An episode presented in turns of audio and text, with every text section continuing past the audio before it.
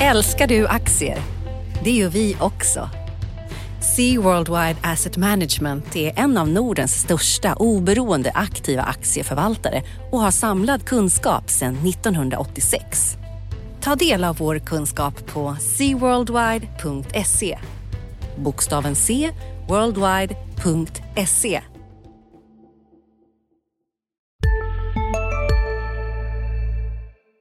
Analyspodden presenteras idag av Blackrock. Blackrock är en kapitalförvaltare med målet att hjälpa fler och fler att uppnå finansiellt välmående. Blackrocks kunder är alltifrån företag, banker och tradingplattformar till privatpersoner runt om i världen. Blackrock har ett brett utbud av produkter. Alltifrån traditionella fonder och iShares ETFer till alternativa investeringar. Gå in på blackrock.com för att läsa mer.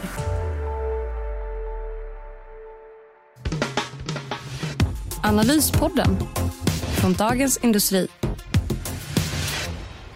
Hej och välkommen till Analyspodden, Dagens Industris podd om vad som händer på finansmarknaderna här. Och vi ska ju fokusera då som sagt på den gångna veckan. Och eh, de två personerna som gör podden idag är jag, Johan Wendel, reporter och analytiker på DI. Med mig har jag Felicia Åkerman också, eh, också reporter och analytiker på DI. Välkommen Felicia! Tack så mycket! Det är idag när vi spelar in den här podden så är det fredag den 27 november och vi spelar in här vid 11-tiden så att ni vet vad vi vet ungefär. Och eh, idag ska vi prata lite BNP, KI-barometer och lite SBB och den här budstriden med Entra, om Entra som de har med Castellum och lite Astra-vaccin bland annat.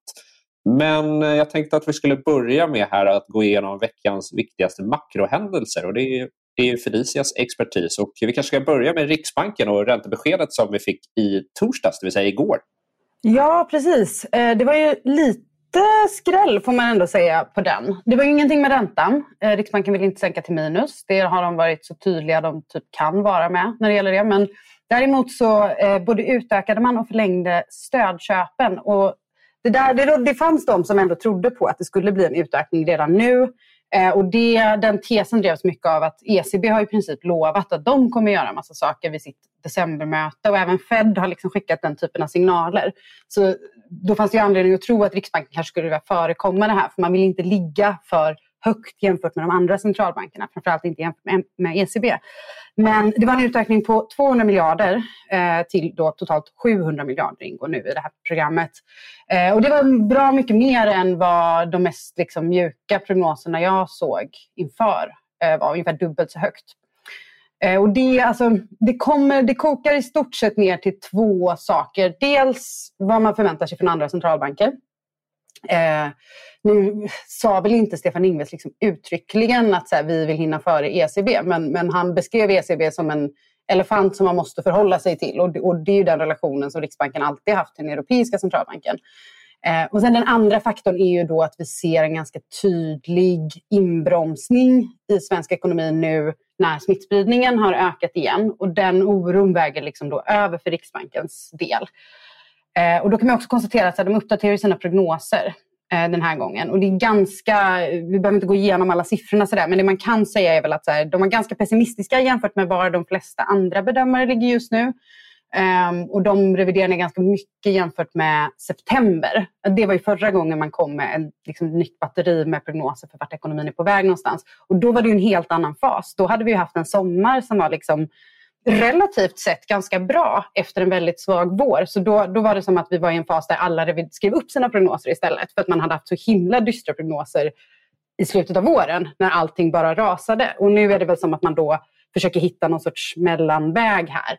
Ehm, det finns en hel del bedömare som liksom nu efter beskedet har pratat om att de tycker att Riksbanken är för pessimistiska. Och det är ju möjligt att det är så. Vi har fortfarande liksom inte vi är tillbaka i det här läget där typ all makrodata är för långsam för att veta hur, hur man egentligen ska ställa sig till den här smittspridningen. Vi kan ju se att sådana saker som korttransaktionsdata till exempel och rörelsedata från Telia, de här väldigt snabba grejerna, det pekar ju på en inbromsning. Men så har man liksom eh, ett ganska annat läge nu där industrin är rätt stark. Så sen när man ska lägga ihop den här bilden så är det lite svårt att veta hur mycket, nedgången, hur mycket av nedgången som kompenseras av att industrin fortfarande står ganska, ganska bra. Så ja, det är svårt, det, det är liksom, det, det, är svårt att, att, utvärdera Riksbankens prognoser just nu. Vi behöver rätt mycket mer data. Men det man kan... Den andra grejen som man kan ta med sig från det här beskedet är väl liksom att så här, det, det, det är ett rejält program som ligger nu. Det är ett väldigt stort stödköpsprogram som ligger nu. Eh, och möjligtvis så kan man fundera på om, om det är rimligt att utöka så mycket i nuläget. För att, här, fokus för närvarande är fortfarande krishantering. Och om vi går tillbaka till våren då när man verkligen drömde på med sina 500 miljarder. Då handlade det ju väldigt, väldigt mycket om att finansmarknaderna var så instabila just då. Och att en del av Riksbankens uppdrag är ju att se till att vi har fungerande finansmarknader. Och det hade vi inte riktigt just då. Det fanns liksom en period där när när det såg ut som att det skulle kunna spinna ur kontroll och få väldigt, väldigt stora allvarliga negativa effekter. Det tycker jag inte riktigt man kan säga i nuläget. Finansmarknaderna överlag liksom ser ut att fungera rätt väl. Vi har haft liksom en stabil, lång uppgång och visst, det kommer lite bakslag här och var men, men bakslag som sådana ska inte vara en anledning att agera. Det är börsen ska kunna gå ner också även i ett sånt här läge. Det är ju det enda rimliga. Liksom. Så att, så här, man kan möjligtvis fundera på så här, vad, är det rimligt med så stora stimulanser i nuläget när vi inte riktigt vet? Och då kommer man tillbaka till vad man tror om smittspridningen. Eh, och där, jag vågar inte säga om den. För jag tycker man ska vara försiktig med att göra det när man inte är expert på det. Men ja, så mjukare eh, än vad man hade väntat sig. Det ska bli intressant att se om andra bedömare liksom lägger sig i linje med Riksbankens prognoser. Jag tror spontant inte det. Jag tror att de kommer fortsätta se ganska pessimistiska ut jämfört med andra. Ja, eh, och, och jag, jag brukar alltid ta mig tid att läsa den här penningpolitiska rapporten för jag tycker att den är väldigt bra mm. uppdatering kring... Den är skriven på väldigt begriplig svenska. Det ska Riksbanken ha cred för. Att den är, det är sant. Den är väldigt lättillgänglig på det sättet. Ja, så att det är alla som vill ha en uppdatering kring konjunkturen i Sverige och världen. Det är bra läsning där faktiskt. Det får vi ge Riksbanken cred för. Eh, men sen jag tänkte på en sak där, om smittspridningen. Just eh, Riksbanken hade en intressant indikator där i den här penningpolitiska rapporten där man hade tagit omsättningen från drygt, jag tror det var 500 restauranger eller någonting sånt här. Mm. Och visade nu på att omsättningen för dem var nere på samma nivåer som det var under botten där i april. Det har gått ner ganska fort här de senaste veckorna. Så att uppenbarligen lyssnar svenskarna på de här äh, rekommendationerna, från, eller åthutningarna kanske vi ska säga, från statsministern. Äh, ja. Om att vi inte ska gå ut och äta på restaurang och så vidare. Nej, men vi, och det ser vi i rörelsedatan från Telia också. Det är väl kanske den absolut snabbaste indikatorn vi har just nu. Och där kunde man också se att det börjar liksom verkligen dra ner sig mot de här bottennivåerna. Och man anar det även i korttransaktionerna att vi, vi kommer ner på liknande nivåer igen. Men, ja. men, men, där kom vi kanske lite in på en annan viktig grej från veckan, nämligen KI-barometern som vi fick. Det som var så intressant med den och det som blir så himla avgörande för när man ska lägga ihop hela det här pusslet då till så här, vad betyder det här för Sveriges BNP i princip vi, vi, har ju under ganska lång tid nu pratat om att det är en, en rätt delad återhämtning där industrin har liksom visat på väldigt stor motståndskraft och verkligen återhämtat sig bra och gått väldigt starkt medan tjänstesektorn absolut har kommit upp från de låga nivåerna men inte i närheten av lika mycket. Och det blev om möjligt ännu tydligare i veckan när vi fick eh, KI-barometern som ju då är liksom den, den mäter ju liksom hur man ligger i relation till det historiska snittet vilket gör den mer intressant än vissa andra indikatorer som typ inköpschefsindex som mäter förändring jämfört med föregående månad. De är rätt svåra eh, när vi liksom i den här fasen där det kan vara snabba förändringar på månadsbasis men det behöver inte säga så mycket om, om liksom den, de långsiktiga effekterna om, om man säger så. Eh, och I den här då, så industrin låg över 110 vilket är alltså då en bra bit över det historiska snittet. Så det är ett väldigt, väldigt starkt utfall. Särskilt om man tänker på omständigheterna. Även i normala fall är 110 liksom en ganska fin nivå att vara på. När vi dessutom har en andra våg som liksom tynger stora delar av ekonomin så är faktumet att industrin kan ligga så starkt liksom väldigt ett bra tecken så att säga. Och det är inte då bara ett uttryck för att man återhämtar sig från väldigt svaga nivåer utan det, är, det, det ser på riktigt bra ut. Utanför industrin däremot så var det liksom inte så stora förändringar. Tjänstesidan ser fortfarande ganska dyster ut. Detaljhandeln sjönk tillbaka den här gången. Det handlade mycket om sällanköpshandeln som går svagare och där pekar de specifikt ut motorfordonsbranschen. Huruvida det här är ett så här jättestor varningsflagg eller inte, det är lite svårt att säga. Å ena sidan så kan man ju säga så här, sällanköpshandeln brukar vara en konjunktursignal. För att det brukar han då kunna, man brukar kunna dra vissa slutsatser om hur hushållen ser på att ekonomin kommer att utveckla sig. Tycker man att det är vettigt att köpa en ny bil nu som man ska betala av eller inte? Det är ju en ganska liksom, fin eh, indikator på det också. Och där kan man ju se att här, hushållens syn på stora inköp är ju mer pessimistisk än vad den brukar vara. Så det skulle kunna vara en varningsflagg. Å andra sidan, eftersom de pekar ut motorfordonsbranschen branschen specifikt, den har gått ganska starkt under hösten. Där har vi haft en ganska stark återhämtning. Så det kan mycket väl vara så att vi bara har en liksom ryckigare utveckling i efterfrågan.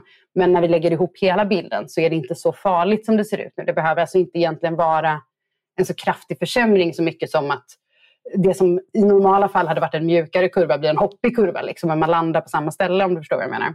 Så att det är liksom det är svårare att säga så mycket om det, men, men så här, den grejen vi verkligen kan slå fast är att så här, det ser ändå ganska bra ut på industrisidan. Dels på grund av KI-barometern, men också för att vi har fått så här, liknande signaler från Tyskland. Eh, I deras liksom, framåtblickande index så fortsätter industrin att vara väldigt stark. Så antagligen så kommer vi se det här mönstret upprepas framöver i, i liksom andra svenska siffror. Eh, det, det, det blir så här, jag undrar om kommer ihåg, vi brukar ju prata om liksom, eh, olika bokstäver för återhämtningen. Det här blir ju då typ ett K-scenario där en del av ekonomin fortsätter återhämta sig och gå starkt och en annan, ja, framförallt tjänstesektorn, viker ner.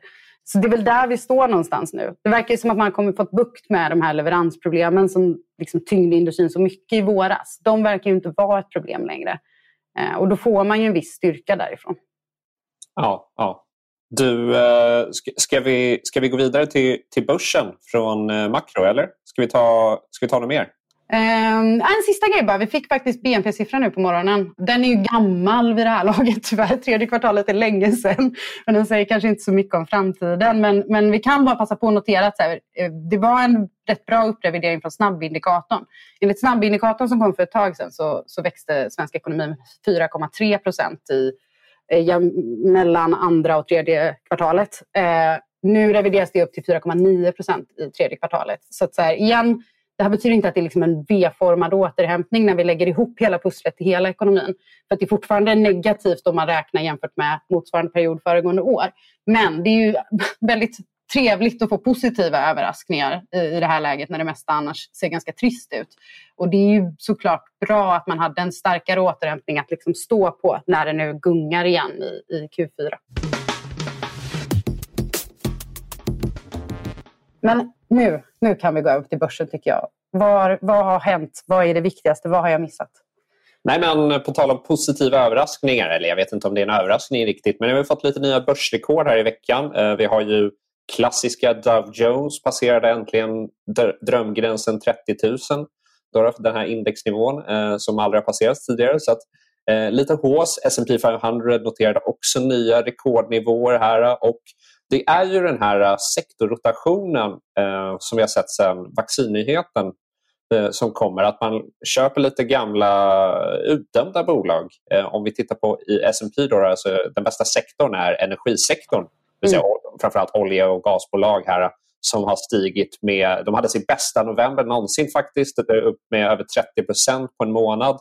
Den här sektorn. Så det är liksom inte nya det är inte nya rekordnivåer för Apple, Microsoft och Amazon som driver index som det har gjort tidigare. Mm. Eh, utan nu är det, liksom, det är eh, ExxonMobil som är upp med drygt 30% på en månad här som driver det här. Så det är lite, det är lite utdömda bolag som gör comeback här. Det vill säga så kallade värdeaktier eh, som gör lite comeback här. Vi får se om det är, håller i sig man ska ha i åtanke att de här aktierna har slaktats ganska hårt. Om vi tar då Exxon som jag pratade om tidigare så är den aktien fortfarande ner med omkring 40 procent efter den här uppgången. Så att, som, vi, som ni minns så hade vi ett negativt oljepris faktiskt ett tag där i våras. Ja.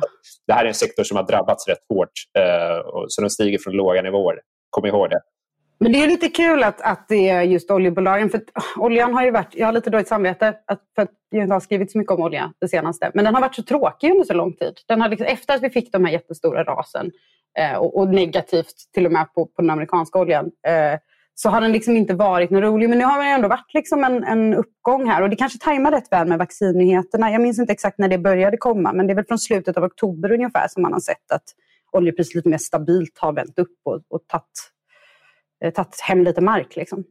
Ja, ja. ja men precis. Och, och, eh, vi har ju optimism även här i Sverige. Vi har ju OMX30 som är uppe på, eh, vad är den, står den här nu på fredagsförmiddagen? Står det 1934.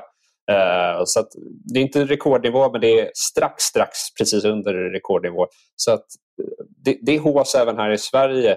Och uh, om, vi, om vi ska se lite börshändelser här som har hänt så har vi haft lite drama i fastighetssektorn ändå där SBB, det vill säga Samhällsbyggnadsbolaget som drivs av Ilja Batljan, där han också är VD, de har ju gått ut med och lagt ett bud på det norska fastighetsbolaget Entra med eh, värt 165 norska kronor per aktie.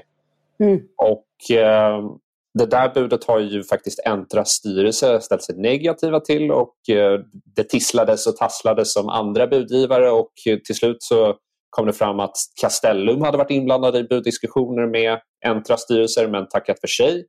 Men sen kom Castellum tillbaka och la ett bud som var värt då eh, strax under 170,1 norska kronor. Så att, det vill säga drygt 6 kronor högre per aktie än SBBs bud. Problemet det är lite då skillnader på de här buden. SBBs bud det är en större, mycket större andel kontanter. Eh, sen är det en viss del nyemitterade B-aktier i SBB. Uh, eh, och uh, Castellums bud är mer av ett sammangående kan man väl säga.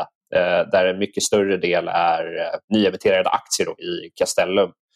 och så är det, jag tror det är drygt 26 norska man får i kontanter på Castellums bud här.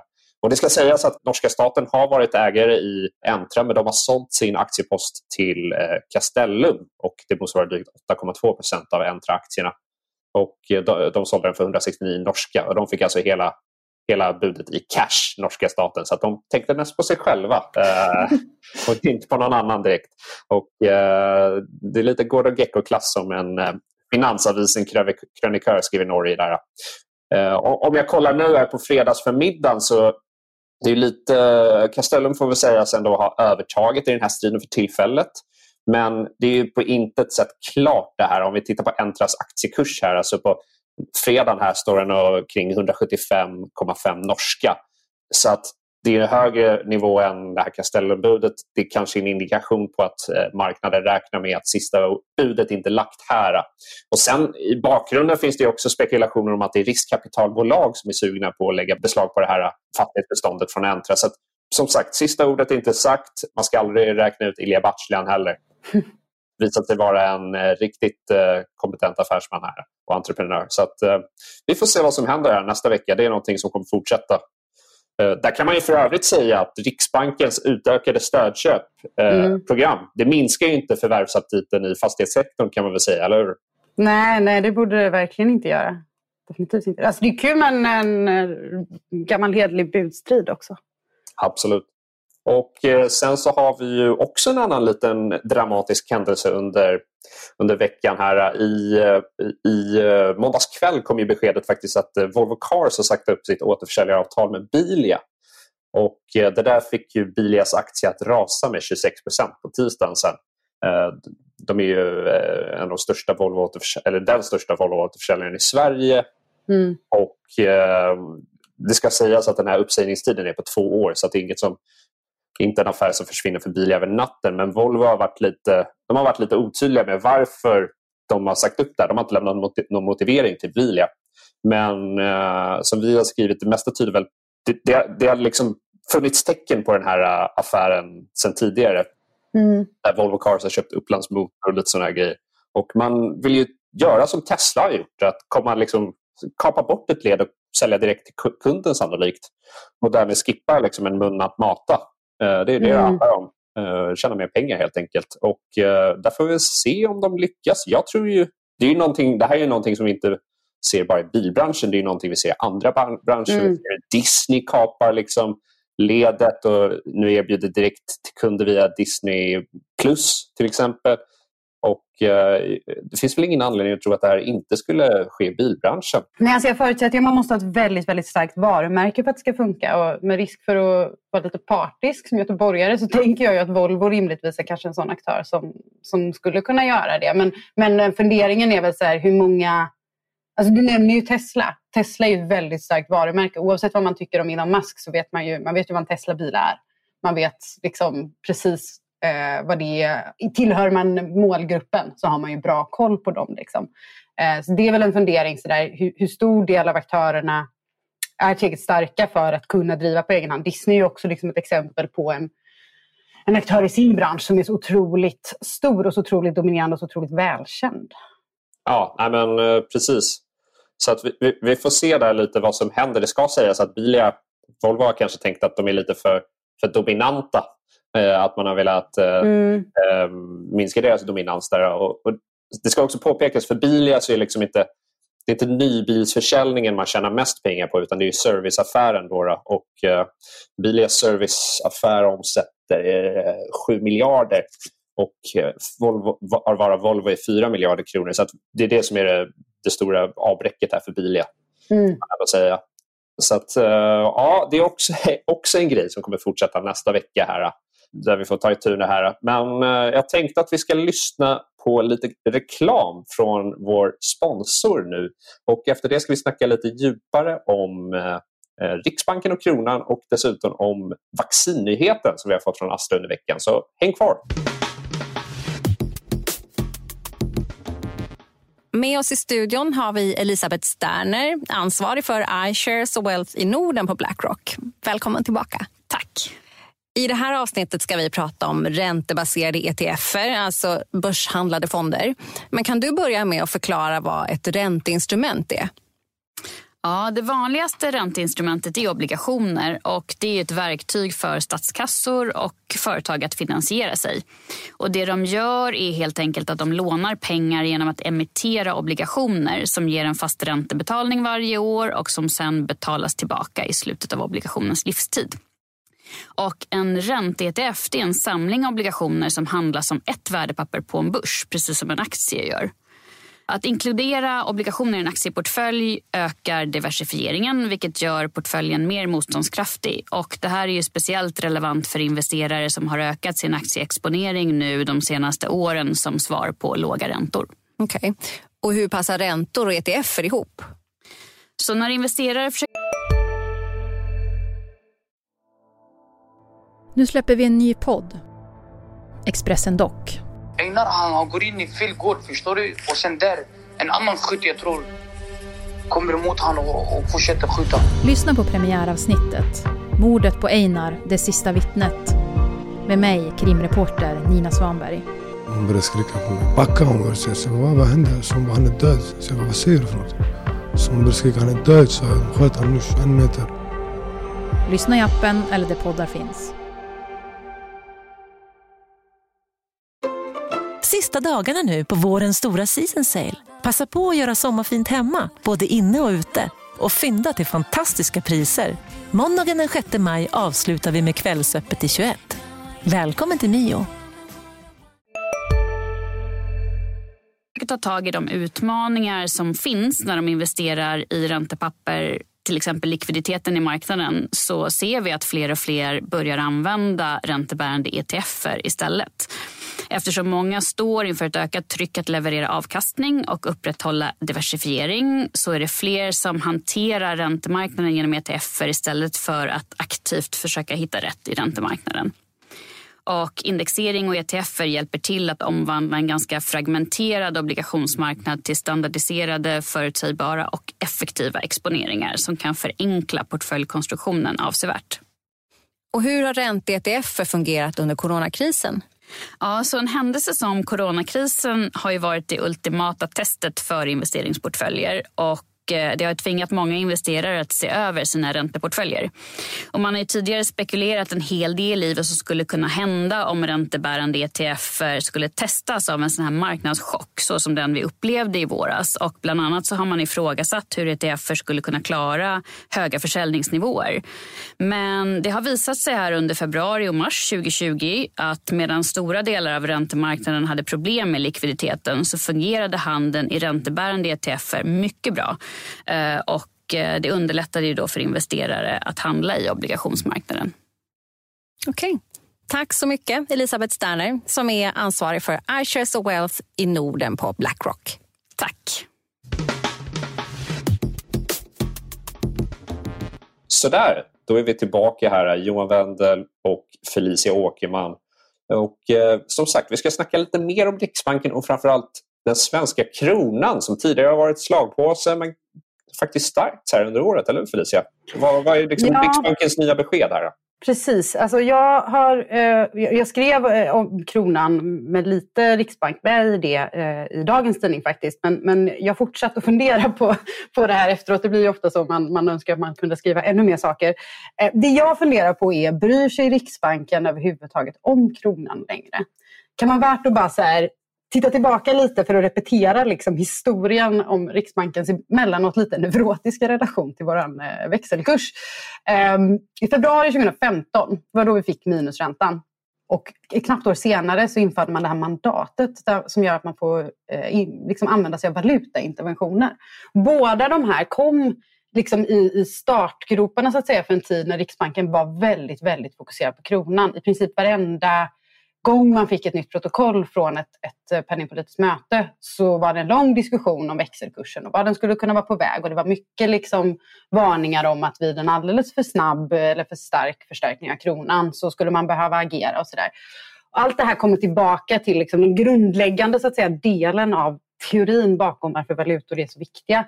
Det är ju att så här, via en svag krona så importerar vi i princip inflation till Sverige. Och via en stark krona så har vi inte längre den effekten. Så när Riksbanken då är väldigt fokuserad på att inflationen är för låg och att man måste nå upp till målet så blir ju valutan en viktig kanal att använda. Det, blir, det är en av de liksom huvudkanalerna så att säga för penningpolitiken. Och i ett land som Sverige där vi har en liten, öppen, exportorienterad ekonomi, det här som vi alltid pratar om, så, så blir valutakanalen ännu viktigare än i liksom större länder där man kanske inte är riktigt lika beroende av utvecklingen i omvärlden och hur man ligger relativt sett. Så från liksom 2015 till typ 2018 ungefär så var Riksbanken väldigt, väldigt fokuserade på kronan och man kan nästan prata om att vi under de åren, alltså vi har ju alltid, vi har ju haft vår liksom formellt flytande växelkurs men, men i praktiken så var det ju lite som att vi hade ett informellt ram för hur mycket kronan fick röra sig innan Riksbanken kände att nu måste vi agera så att den inte blir för stark. Men, men det där, liksom nu trots att vi har haft en, en, en liksom kraftig eh, och snabb förstärkning av kronan, väldigt kraftig sådan, så man pratar typ inte ens om den längre. Eh, nu i samband med det här beskedet eh, i torsdags, så visst, kronan nämns ju, växelkursen nämns, men inte alls på det sättet som man gjorde tidigare. Och det verkar liksom inte finnas någon stress över faktumet att kronan stärks så pass mycket.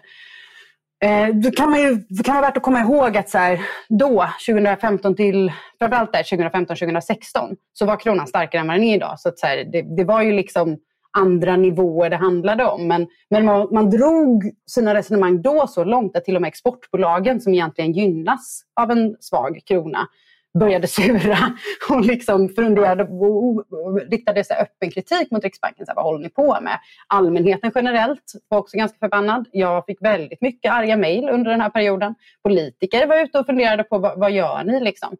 Eh, så även om det, så här, det är andra nivåer idag så stämningen var en helt annan.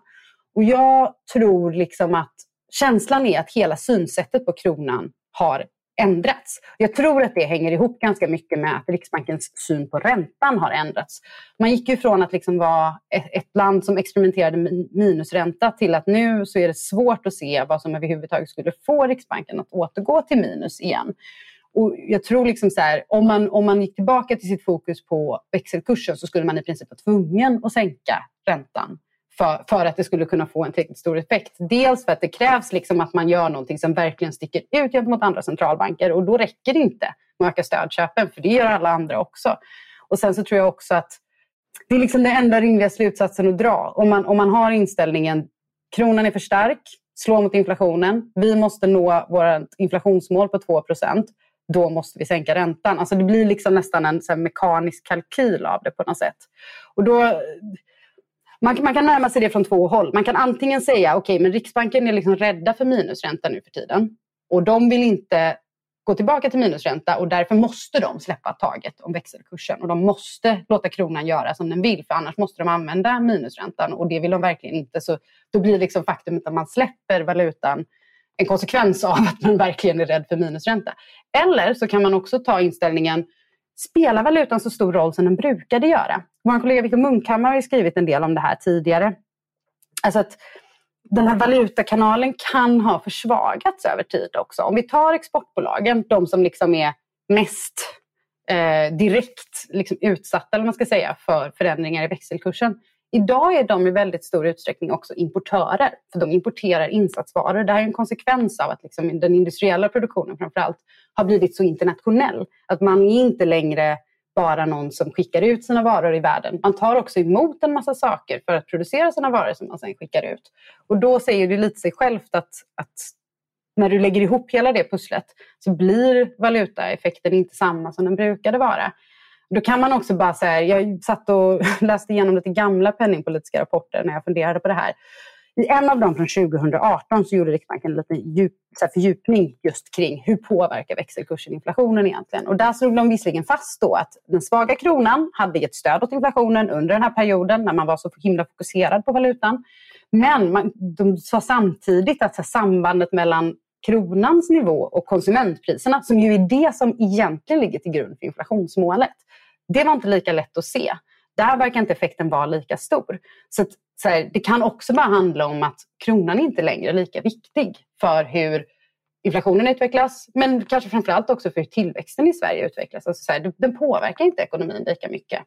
Och då baksidan av den tesen, om den stämmer, alltså en positiv grej blir ju då att då kan vi helt enkelt på riktigt ha en flytande valuta utan att, utan att det ställer till för mycket.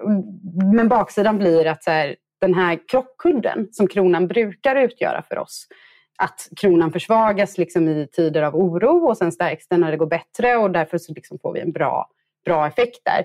Eh, den borde ju då rimligtvis bli svagare. Så, så här, om den här tesen stämmer, att kronans roll verkligen har minskat, då, då, blir ju Sverige lite mer som andra länder och vi kan inte riktigt luta oss tillbaka lika mycket på vår valuta som vi historiskt har kunnat göra. Så det är sådana saker jag funderar på just nu.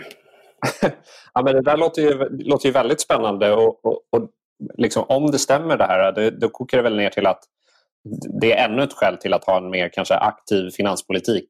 Ja, nej men precis. Det, för då blir det, ju, det blir ju en liksom kanal för penningpolitiken som inte längre är lika stark och som man inte kan luta sig lika mycket mot. Och då, så här, det har ju redan funnits idéer om att Eh, under lång tid att så här, penningpolitiken har gjort så pass mycket att det inte längre är verkningsfullt. Så här, hur, hur verkningsfulla är räntesänkningar från de här nivåerna?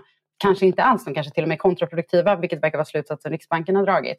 Hur verkningsfulla är stödköpen när vi redan är uppe på 700 miljarder? Spelar det någon roll att man slänger på 100 miljarder till? Liksom? Eller, eller är det så att så här, vi har gjort vad vi kan här ungefär? Då eh, köper man den här idén om att, vi har, att Riksbanken har gjort så pass mycket att varje extra grej härifrån spelar mindre roll. Då måste man ju blicka mer mot finanspolitiken. Ja, över till dig Magdalena Andersson. Ja, precis. Något att fundera på så här över helgen. Ja, det blir, om inte annat blir det spännande att se samspelet här mellan Jay Powell och Janet Yellen då, som kommer bli ja. eh, USAs nästa finansminister. Det, det, skulle vi, det får vi prata om mer i framtiden. Det är jättespännande tycker jag att hon återkommer i den rollen. Apropå liksom de här tendenserna liksom till mer samverkan mellan penning och finanspolitiken i många delar av världen. Att man har en tidigare Fed-chef som ska sitta och ratta det finansdepartementet är ju väldigt, väldigt intressant. Ja. Vad har du funderat på då? Nej, men jag har funderat lite på det här äh, Astras vaccinnyhet här som vi fick i början av veckan. Och äh, man har ju tyvärr, ju mer som har framkommit, desto mer man har ju blivit lite mer deppig under veckan här. Mm. Och äh, jag tycker man får ändå Nej, men man får Astra får underkänt för sin hantering av det här under veckan. Jag tycker att de har skött det illa.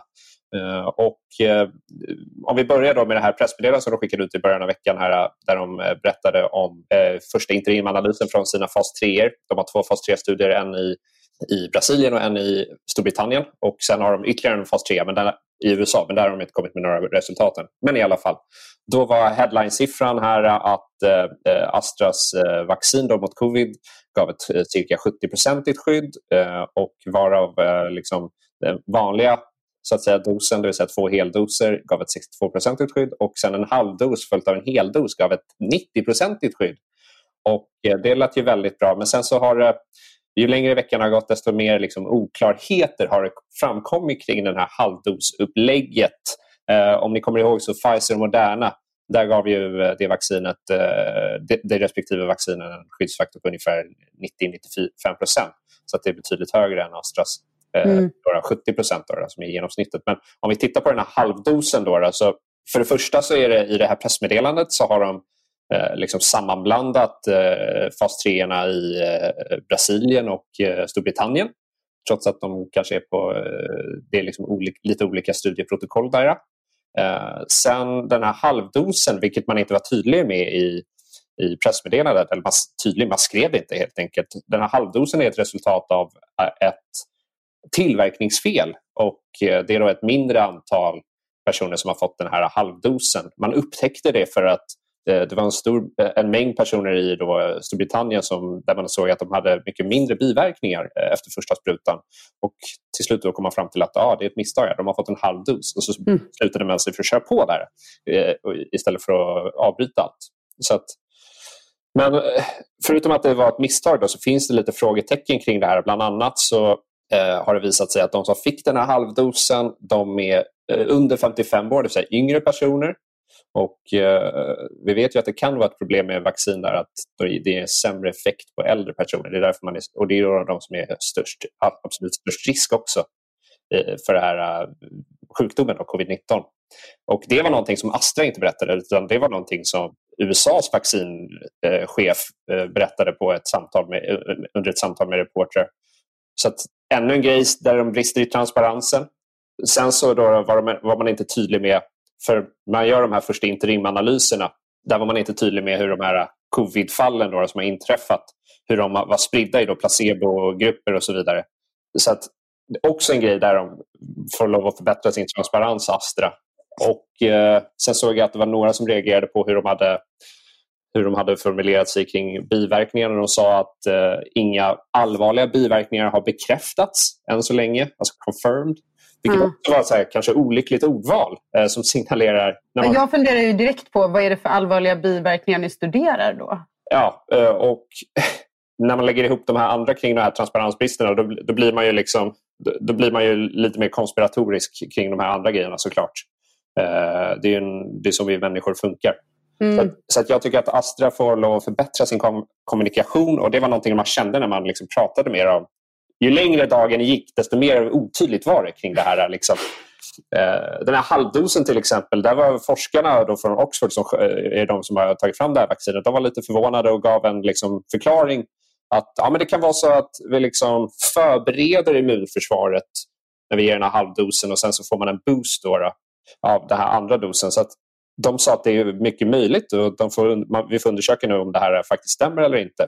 Men i alla fall, för liksom, eh, kontentan är att eh, det här, om vi, om vi tar den här 62-procentiga effektiviteten visar ju att det här vaccinet funkar och, och, det funkar ungefär i linje med vad kanske förhandsförväntningarna var. Vi ska komma ihåg att Pfizer och uh, Moderna här, de överraskade på uppsidan när det gäller mm. den här mm. skyddsfaktorn. Astra 62, uh, FDA kräver en skyddsfaktor på ungefär 50, eller på 50% minst för att godkänna vaccinet. Eh, liksom inför de här vaccinnyheterna så har Fauci, Anthony Fauci sagt att han hoppad, hoppades att det skulle hamna kring 70-75 procent. Så det är där, mm. baserat på förhandsförväntningarna, så är liksom de här vaccinnyheterna från Astra inte alls dåliga. Det är bara att jag tycker att man, man borde... det kändes som att man skyndade ut det här och jag tycker man borde skött transparensen mycket bättre och bara vara tydlig med istället för att hålla på och dribbla. Ja, alltså det låter väldigt kaosigt alltihop. Jag, ja. jag har varit jätteförvirrad hela veckan över det här och tänkt jag ska prata med Johan och så se hur man kan reda ut det åt mig. Uh, jag, jag är verkligen ingen expert på vacciner så det är säkert inget fel på deras vaccin. Men man kan ju säga en grej som vi har diskuterat tidigare är ju liksom någonstans måste man ju få en massa människor att ta de här vaccinen också. I vissa länder kommer det kanske inte vara så himla svårt men det finns delar av världen där det finns ett klart större motstånd liksom, mot vaccin till att börja med. Och då är det rimligt att förvänta sig att eh, just faktumet att man har jobbat fram dem så snabbt gör att folk känner sig mer osäkra på det. Eh, inte minst liksom för att det har ju funnits exempel tidigare på när man kanske har gått lite snabbt fram och det har blivit biverkningar man kan leva med, men ganska allvarliga ändå. Sådär. Ja. All, alla sådana här grejer som skapar en större osäkerhet och som gör att man känner sig liksom lite som att någon försöker lura en kring det här måste ju vara negativa ur perspektivet vi vill att så många människor som möjligt ska ta vaccinet, vaccinen så fort som möjligt. Ja, men precis. Och liksom, som vi varit inne på, att utveckla, att utveckla vaccin under normala omständigheter tar ett decennium eller mer. Och nu gör de det på mindre än ett år. Så jag tror mm. att är man bara transparent så tror jag att allmänheten har förståelse för att det kan Mm. bli lite fel här och där men att man jobbar på att försöka fixa dem. Och, och En grej till som Astra har gjort är att man har återigen haft såna här eh, privata eh, då rapport, eller konferenssamtal med investerare där Mm. de har delgett då detaljer som inte har delgetts i pressmeddelanden. Och Det var någonting som de gjorde också i, eh, sent i somras när, man, när de stoppade sin fas 3 på grund av att man hade, ville reda ut en allvarlig händelse kring vad det här lett till vaccinet eller inte. Och Då var det också så här att man berättade saker för investerarna i hemlighet utan att säga det Ja. till, allmänheten. Och Det är också en sån här grej bara att eh, just också när vaccinet de flesta är överens om att vaccinet inte kommer ha någon större betydelse för aktiekursen, om än alls.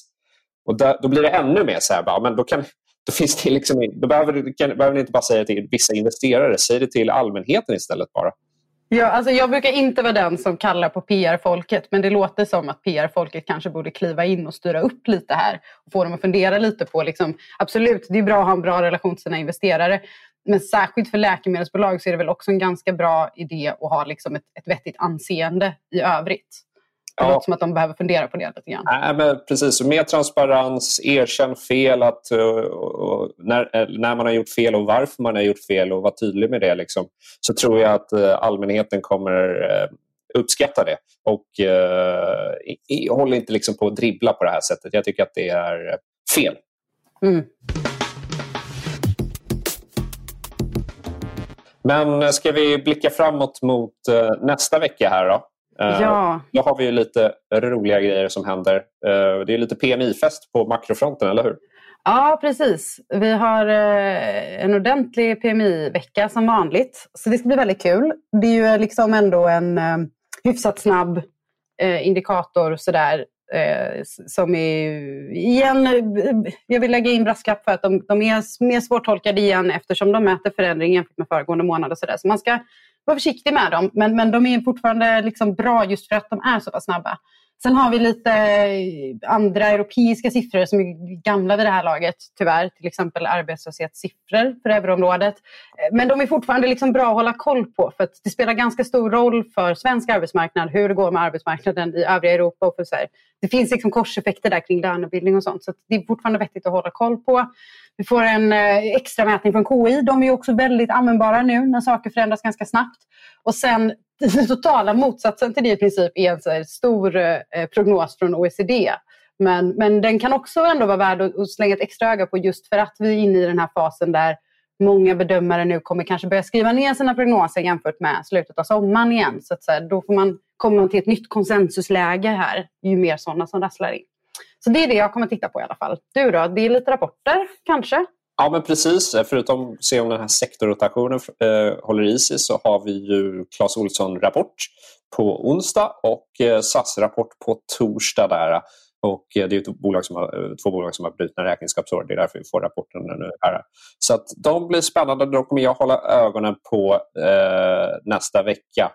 Men tills dess så tycker jag att ni ska passa på att lyssna på våra andra poddar som vi har här på DI. Det går ju att få till exempel vår morgonkoll går ju att få som podd. Och så har vi våra kollegor på Digitalpodden som gör Digitalpodden. det är digital. Eh, bra om man vill hålla koll på tech-området. Och så har vi ju eh, vår kollega Viktor Munkhammar eh, som rattar Makrorådet där man kan få lite mer djupdykning i makroekonomin och ja, centralbanker och, och sånt där. Det tycker jag ni ska passa på att lyssna på. Men om inte annat så hörs vi nästa vecka här i Analyspodden. Och tills dess kan ni ha tack för att ni lyssnade idag. Så får ni ha en fortsatt trevlig dag och så småningom helg här. Ha det så bra. Ha det bra. Hej! Analyspodden presenteras idag av Blackrock. Blackrock är en kapitalförvaltare med målet att hjälpa fler och fler att uppnå finansiellt välmående. Blackrocks kunder är alltifrån företag, banker och tradingplattformar till privatpersoner runt om i världen. Blackrock har ett brett utbud av produkter. Alltifrån traditionella fonder och iShares ETFer till alternativa investeringar. Gå in på blackrock.com för att läsa mer. Analyspodden från Dagens Industri. Programmet redigerades av Umami Produktion. Ansvarig utgivare Peter Fellman.